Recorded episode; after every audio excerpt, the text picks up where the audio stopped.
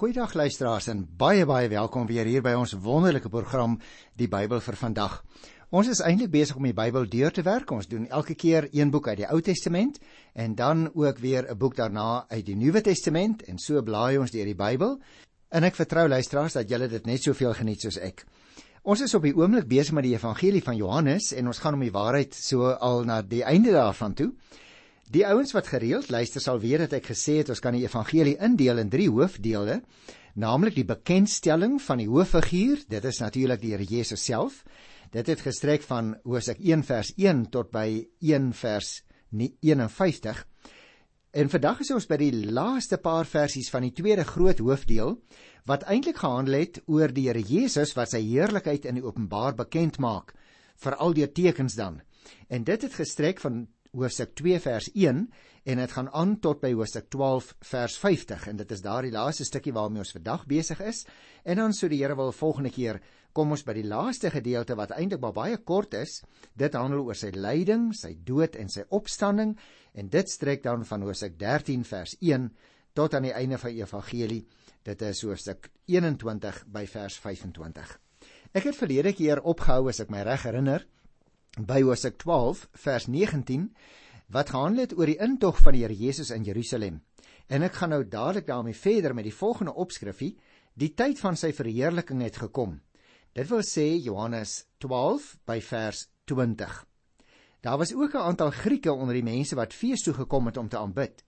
Hulle het na Filippus wat van Betsaida in Galilea afkomstig was gegaan en vir hom gevra: "Meneer, ons wil Jesus graag ontmoet." Nou dis interessant dat dit hier geskrywe staan luisteraars, want jy sien hierdie uh, Grieke het natuurlik baie hoë agting vir die Joodse geloof gehad. Hulle het waarskynlik na Filippus toe gegaan omdat hy 'n Griekse naam gehad het en Grieke in Galilea geken het. Die treffende van hierdie gedeelte vir my is juis die feit dat nie Jode ook nou na die Here Jesus toe begin kom het. Nou onder die feesgangers het ons nou net gelees in vers 20 wat na die Paasfees in Jerusalem toe gekom het was daar dan ook 'n aantal persone uit die nie-Griekse wêreld wat die Hellenistiese of die Griekse as jy wil kultuur beoefen het, maar wat waarskynlik agting gehad het vir die hoë etiese standaarde van die Jode en die aanbidding van net een God. En daarom het vers 21 oor ook vir ons vertel, hulle het hulle nou na Filippus toe gewend Nou heel waarskynlik omdat hy 'n Griekse naam gehad het, nie waar nie? Het hulle afgelei, uh miskien is hy die mees toeganklike, die deur na wie hulle eintlik kan kom uh as hulle uiteindelik by die Here Jesus wil uitkom. En dit het natuurlik nou uh by hulle so 'n bietjie vertroue geskep. Uh ook die feit juis dat uh hy uit Galilea gekom het en nou vra hulle ontmoeting aan met uh, die Here Jesus, die meester van ou Filippus. Vers 22 sê Filippus het gegaan en vir Andreas vertel. Andreas en Filippus gaan toe en sê dit vir die Here Jesus. Ag, ek hoop jy teken altyd saam met my die gedagte prentjies luisteraars, want dan verstaan 'n mens net soveel beter die Bybel, né? Dis doodgewone menslike gebeure wat hier afspeel. Hierdie Filippus gaan nou, hy vertel dit vir Andreas en Andreas en Filippus gaan nou saam en hulle sê dit vir die Here Jesus. Vers 23 sê Daarop sê Jesus vir hulle: "Die tyd het gekom dat die seun van die mens verheerlik moet word." Jy sien luisteraar, die Here Jesus rig hom nou tot Filippus en Andreas en ook tot sy omstanders. En die koms van die Grieke, vir hulle is dit natuurlik die teken dat sy sending 'n hoogtepunt bereik het en dat hy nou vir die wêreld moet sterwe, wat ook natuurlik die Griekse wêreld ingesluit het. Maar nou sê hy dat sy tyd nog nie gekom het nie.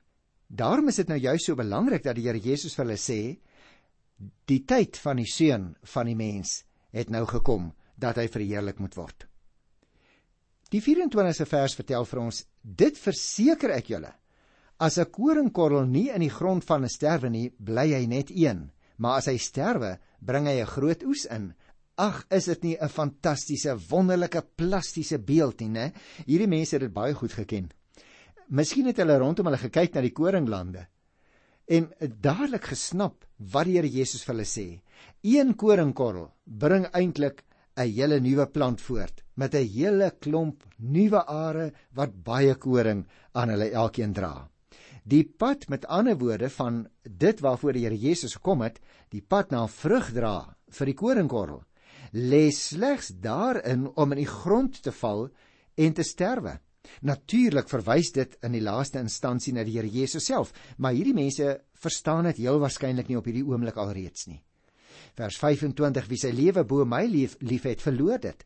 En wie sy lewe in hierdie wêreld nie bo my liefhet nie, sal dit vir die ewige lewe behou. Met ander woorde, hy sê vir hulle die boodskap van die koninkorrel word nou toegepas op die persoonlike optrede in die koninkryk.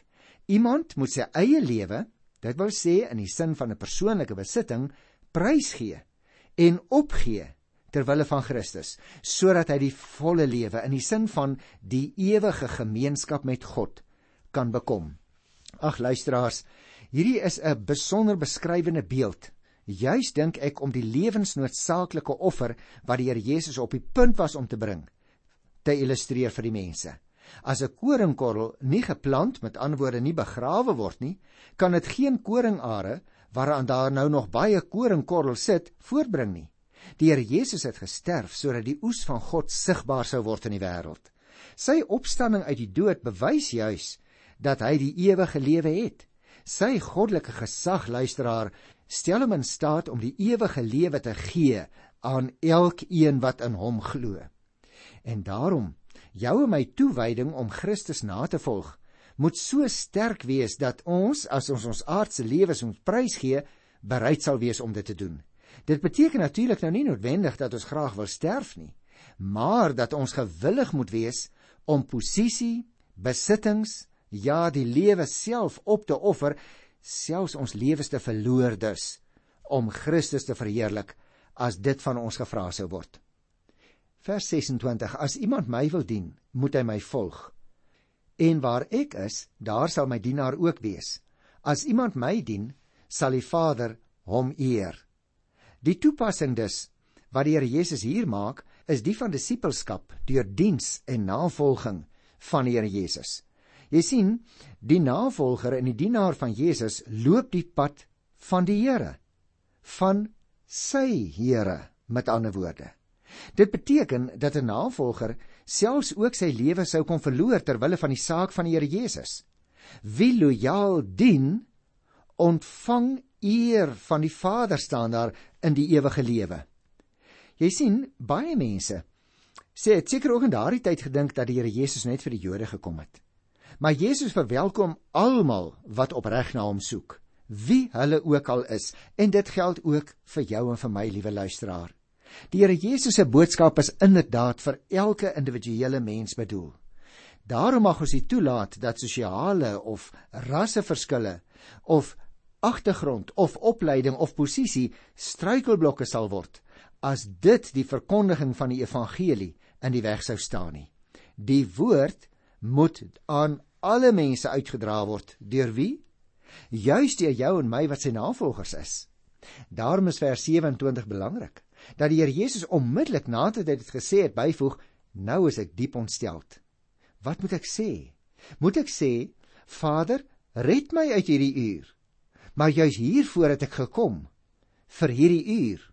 Dit lyk so vir my asof die Here Jesus as dit ware wat sal ek dit noem as dit as asof hy met homself in selfspraak gaan. Hy worstel so vir 'n oomblik met homself nou dat die tyd gekom het, né, waarvan hy in vers 23 gepraat het. Nou is die Here Jesus, lees ons hier in vers 27, diep ontsteld. Jesus se vraag of hy die Vader moet vra om hom te red uit hierdie uur word onmiddellik deur homself beantwoord. Maar juis hiervoor het ek gekom. Here Jesus deins natuurlikerwys weg van hierdie uur. Maar hy vra tog nie sy Vader om hom daarvan te verlos nie. Want dit is juis die doel van sy hele sending aan die wêreld. Natuurlik, luisteraar, die Here Jesus het geweet dat sy tyd van kruisiging nou aangebreek het. Hy was ook baie diep bewus van die lyding en die pyn wat daarmee gepaard sou gaan oor 'n klompie dae vorentoe. En daarom is hy so ontsteld. Maar Hy weet ook diep in sy innerlike menswees dat dit juis die doel van sy sending is om daar na Kobbie en Koppie toe te gaan as een van die laaste nee as die heel laaste stopplek van sy lewe hier op aarde. En daarom juis bid hy die Vader dat die Vader verheerlik sal word nie soos wat hy voel nie. Ag, is dit nie vir jou of vir my ook belangrik nie? Ons voel dikwels tog so anders. Ons voel so bang, so onseker. Maar uiteindelik is dit wat die Vader in ons lewens wil bereik, die belangrike. En daarom moet ons deurdruk. En daarom sê die Here Jesus ook hier in vers 28 onmiddellik: Vader, verheerlik U naam. Toe daar 'n stem uit die hemel gekom: Ek het my naam verheerlik en ek sal dit weer verheerlik. Het jy opgemerk, liewe luisteraar, die Here Jesus bid dus eerder dat die Vader sy eie naam moet laat verheerlik, wat ooreenstem met die gebed: Doen wat U wil, wat ons in Markus 14 vers 36 ook bespreek het. En dan word ons weer herinner aan die stem. Miskien sou dit selfs goed gewees het om te praat van die geluid uit die hemel wat bevestig dat in Jesus se koms na die aarde toe en in sy weggaan, dit wil sê sy sterwe en sy opstanding, die naam van God verheerlik sal word. Vers 29 sê die mense wat daar gestaan het en dit gehoor het, het gesê dat daar 'n donderslag was. Daarom het ek net nou gesê Miskien kan ons ook praat van 'n geluid, né? Ander het gesê 'n engel het met hom gepraat. Met ander woorde, luisteraars, party van die aanwesige toeskouers daar se kommentaar was dat hulle 'n donderslag gehoor het. Nou natuurlik, in die Ou Testament sal jy onthou, word die stem van God soms met donder weer vergelyk. Party het weer gedink dis 'n engel wat met die Here Jesus gepraat het, lees ons hier. Ons moet miskien hier dink aan 'n hoorbare stem waarvan die inhoud slegs vir Jesus toeganklik en verstaanbaar was. Gaan kyk gerus maar in Handelinge 9 vers 7 daar op die pad na Damaskus in in Saulus se lewe. Kruis ook 'n soortgelyke geval dat dit waarskynlik net Saulus was, waarskynlik net hier die Here Jesus wat die hoorbare stem gehoor het en dat dit vir die omstanders geklink het soos 'n geluid. Vers 30 toe sê Jesus Hierdie stem het nie om my ontwil gekom nie, maar om julle ontwil. Jy sien, die Here Jesus verduidelik dus aan die skare dat hy op grond van sy intieme verbintenis met die Vader nie so 'n eksterne bevestiging soos die stem nodig het nie, maar dat dit juis om hulle beswil is. Daarom was daar die geluid van 'n stem. Vers 31: Nou kom die oordeel oor hierdie wêreld. Nou sal die owerste van hierdie wêreld uitgegooi word buitentoe baie interessant. Die Here Jesus se sterwe aan die kruis wat nou op hande is, is die oordeel oor hierdie wêreld. Jy sien die wêreld veroordeel eintlik homself deur sy veroordeling van die seun. Die kruis is dus ook die oorwinningsmoment oor Satan, die owerste van hierdie wêreld, noem die Here hom hier. Satan word ontroon, hy word uitgegooi buitentoe staan daar, met ander woorde van sy aanmatigende magsposisie. Daarvan word hy nou weggeneem en ontroon. Hierdie bose teenstander teen God word dus verpersoonlik in Satan wat die owerste van die wêreld genoem word. Die kruisgebeure luisteraars is egter vir die Christene juis die oorwinningsoomblik oor Satan en sy mag as ons dink aan wat die Here Jesus gedoen het. Want deur Jesus se verhoging, dit is nou sy sterwe aan die kruis, sal hy diegene wat die Vader aan hom gegee het, na hom toe trek. Dit wil sê, hy sal sonder mense soos jy en ek juis aan hom bind deur dit wat hy aan die kruis vir ons verwerf het. Hy sal ook vir eens en vir altyd die oorwinnaar oor die Satan wees. En die oorwinning is behaal, maar word natuurlik nog steeds nie deur alle mense in hierdie wêreld erken nie. Daarom moet jou en my getuienis dalk voortgaan totdat ons ons laaste asemteug uitblaas vers 32 en as ek van die aarde af verhoog is sal ek almal na my toe trek. Dit is juis soos ek nou net verduidelik het deur die Here Jesus se sterwe aan die kruis sy verhoging as jy wil sal hy diegene wat die Vader hom gegee het aan hom vasbind. Hy gebruik die uitdrukking ek sal hulle na my toe trek. En dan vers 33 dit het hy gesê om daarmee aan te dui op watter manier hy sou sterwe luisteraars die Here Jesus se verhoging en die verheerliking vind deur sy kruisdood heen plaas. In 'n sekere sin is dit die laaste stap van sy vernedering, maar dit is ook terselfdertyd die begin van sy verheerliking wat net hierop gaan begin volg wanneer hy opstaan uit die dood. Vers 34 sê die mense toe: Ons het uit die skrif geleer dat die Christus vir ewig gaan bly. Hoe sê u nou dat die seun van die mens verhoog moet word? En hierdie seun van die mens, wie is hy? Die reaksie van die skare is dus dat hulle die Ou Testament, die skrif ken en dat hulle, so sê hulle ook reg, geleer het dat die Messias, dis die Christus, vir altyd sal leef. Gaan lees maar tussen hakies luisteraars Daniël 7 vers 14. Nou kom hulle met die vraag, hoe praat Jesus dan nou van sy sterwe of van sy verhoging? Is die seun van die mens as die Messias van wie Jesus praat werklik dieselfde as die een van wie hulle gelees het in die skrifte? So hulle vra dis 'n baie belangrike vraag. Dit lyk dus vir my die mense het nie regtig gedink dat die Messias wat sou kom weer kan sterf nie. Hulle het palmtakke geswaai juis omdat hulle onder die indruk was dat Jesus die Messias is en 'n aardse oorwinning sou behaal en 'n politieke aardse koninkryk tot stand sou bring, een wat tot in ewigheid sou bestaan. Althans, so het hulle gedink luisteraars. Hulle het uit sekere skrifgeleerdes verkeerdelik afgelei dat die Messias hier op die aarde vir altyd sou kom lewe en dit was 'n verkeerde afleiding. Daar's egter ander skrifgedeeltes wat duidelik aandoon dat hy juis sou sterf. Dink nou maar aan Jesaja 53 daar van die 5de vers af, nê. Die Here Jesus se woorde het dus weer eens nie ingepas by hulle vooropgesette idees omtrent die Messias nie. Want hy het dit duidelik gestel dat hy nie eers sou ly en sterf en dan eendag sy ewige koninkryk tot stand sal bring nie. Nie sy koninkryk het reeds gekom, maar op 'n ander manier as wat hulle verwag het. Volgens Joodse opvatting kan die Messias nie ly nie. Dit is egter juis deur Jesus se lyding en sy dood dat hy verlossing kon bring. Anders was dit nie moontlik nie. Nogtans nooi Jesus die mense om juis in die invloedsfeer van sy woord en sy dade hulle beslissings te, te neem. Deur in die lig te lewe bete beteken natuurlik om 'n ewige lewe te hê. In eie lig, dit wil sê deur eie insigte, kan jy en ek as mense nie regtig lewe nie maar slegs deur die ligkring van Jesus se woorde en dade kan ons ja, kan ons die ewige lewe hê. Vers 35 sê die Here vir hulle: "Nog net 'n kort tydjie is die lig by julle. Lewe in die lig terwyl julle dit het, sodat die duisternis julle nie oorval nie. Wie in die duisternis lewe, weet nie waar hy gaan uitkom nie." Die Here Jesus sê dus dat hy nog net 'n kort tydjie by hulle gaan wees en daarom moet hulle die oorblywende tyd juis in sy teenwoordigheid ten volle benut.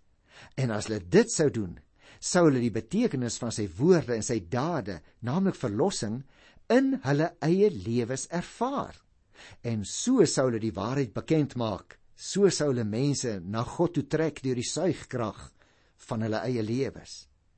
O luisteraar, jy en ek, wat Christus gelowig is, is uit genade. Ons is ook ligdraers van Christus. Ons wil sy lig deurgee, nie die lig op onsself trek nie.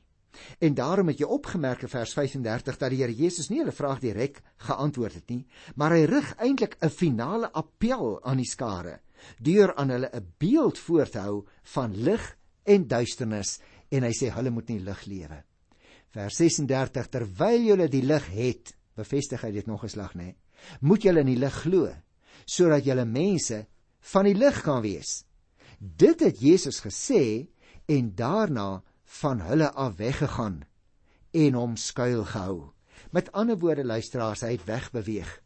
Hy wou alleen wees. So kan ek my voorstel. En daarom is ons nou by die laaste perikoop van hierdie tweede groot afdeling in die evangelie kom. Daar handel dit oor die gevolg van Jesus se optrede. Luister na Johannes 12 by vers 37. Hoewel Jesus so baie wondertekens voor die mense gedoen het, het hulle tog nie in hom geglo nie. Ag, hoe hardkoppig, hoe hardhorend. Hoe hard was hulle harte tog? Nie waar nie. En ek dink jy en ek moet ook versigtig wees. Ons wat die evangelie so dikwels hoor, dat ons hoor, maar nie regtig luister nie. Nie gehoorsaam gee nie. Luister na vers 38. So moes die woorde van die profeet Jesaja vervul word. En nou word daar 'n aanhaling gemaak uit Jesaja 53 vers 1. Here, wie het geglo wat ons gehoor het? En aan wie is die mag van die Here geopenbaar? Waarom hulle nie kon glo nie, sê Jesaja ook elders. God het hulle oë blind gemaak en hulle verstand laat afstomp sodat hulle nie met hulle oë kan sien en met hulle verstand kan verstaan en hulle bekeer en ek hulle gesond maak nie. Die ongeloof, liewe luisteraar van die Jode, is natuurlik tragies. Dis onafwendbaar. Dit is wat die boek van die profeet Jesaja juis aangekondig het. En nou hierdie eerste aanhaling in Jesaja 53 vers 1 word die feit van die ongeloof beklemtoon. En in die tweede aanhaling wat dan kom in Jesaja 6 vers 10 word die rede gegee vir die ongeloof, naamlik dat geloof uit die hand van God kom. Jy sien die hand van God moet ook in die gevolge van die verharding van die Jode gesien word. Die wil van God is uiteindelik oorkoepelend. Want jy sien net soos in die tyd van Jesaja, wou die mense ook in Jesus se tyd nie glo nie, ten spyte van al die bewyse wat voor hulle eie oë afgespeel het. Daarom sê Jesus dat die Here hulle verstand laat afstomp het. Nou kom die vraag natuurlik op: beteken dit nou dat God hulle opsetlik daarvan weerhou om gered te word? Nee natuurlik nie luisteraars. Hy bevestig net dat hulle nog hulle hele lewe lank weerstand gebied het teen God en so verstar het op daardie lewenspad dat hulle nie meer 'n openheid het om die Here Jesus se boodskap te kan verstaan nie. En nou is dit vir sulke verharde mense baie baie moeilik om by God uit te kom hoor, want hulle harte bly hard. Dit bly ongevoelig teenoor die Here en die influistering van die Heilige Gees.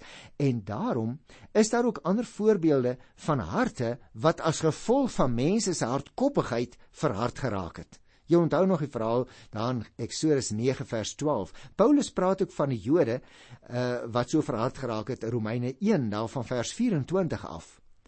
Daarom moet jy en ek altyd onthou dat die Gees van God die hardste rots kan deurklief Jou en my woorde kan nie, maar die Here kan deur sy gees. En so kom ons dan nader na die einde van die hoofstuk. As ons vers 48 hier lees, dan staan daar wie my verwerp en nie my woorde aanneem nie, het reeds iets wat hom veroordeel. Die woorde wat ek gespreek het, sal hom op die laaste dag veroordeel. O luisteraar, daar kan nie twyfel wees by jou en my nie. Jesus het mens geword om vir die hele wêreld die weg na verlossing en die ewige lewe te wys. Die Here Jesus oordeel nie as sodanig nie, maar dit is die oordeel van God. Wie nou in die Here Jesus glo, word gered.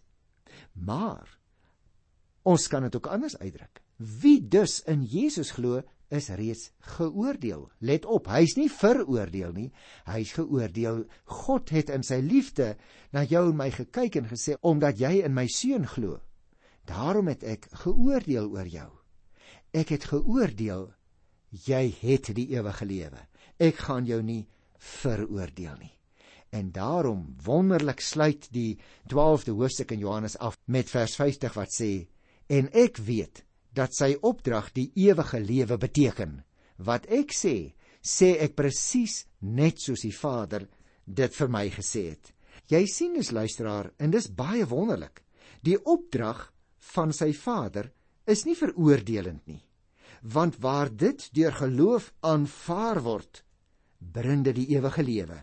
O Jesus is die woord van God wat lewe bring. En daarom kan ons op hierdie wonderlike sterk positiewe noot vandag afsluit.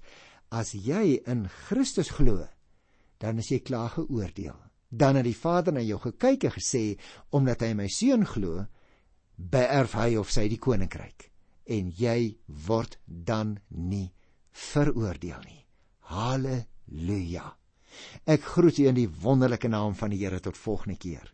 Tot dan. Totsiens.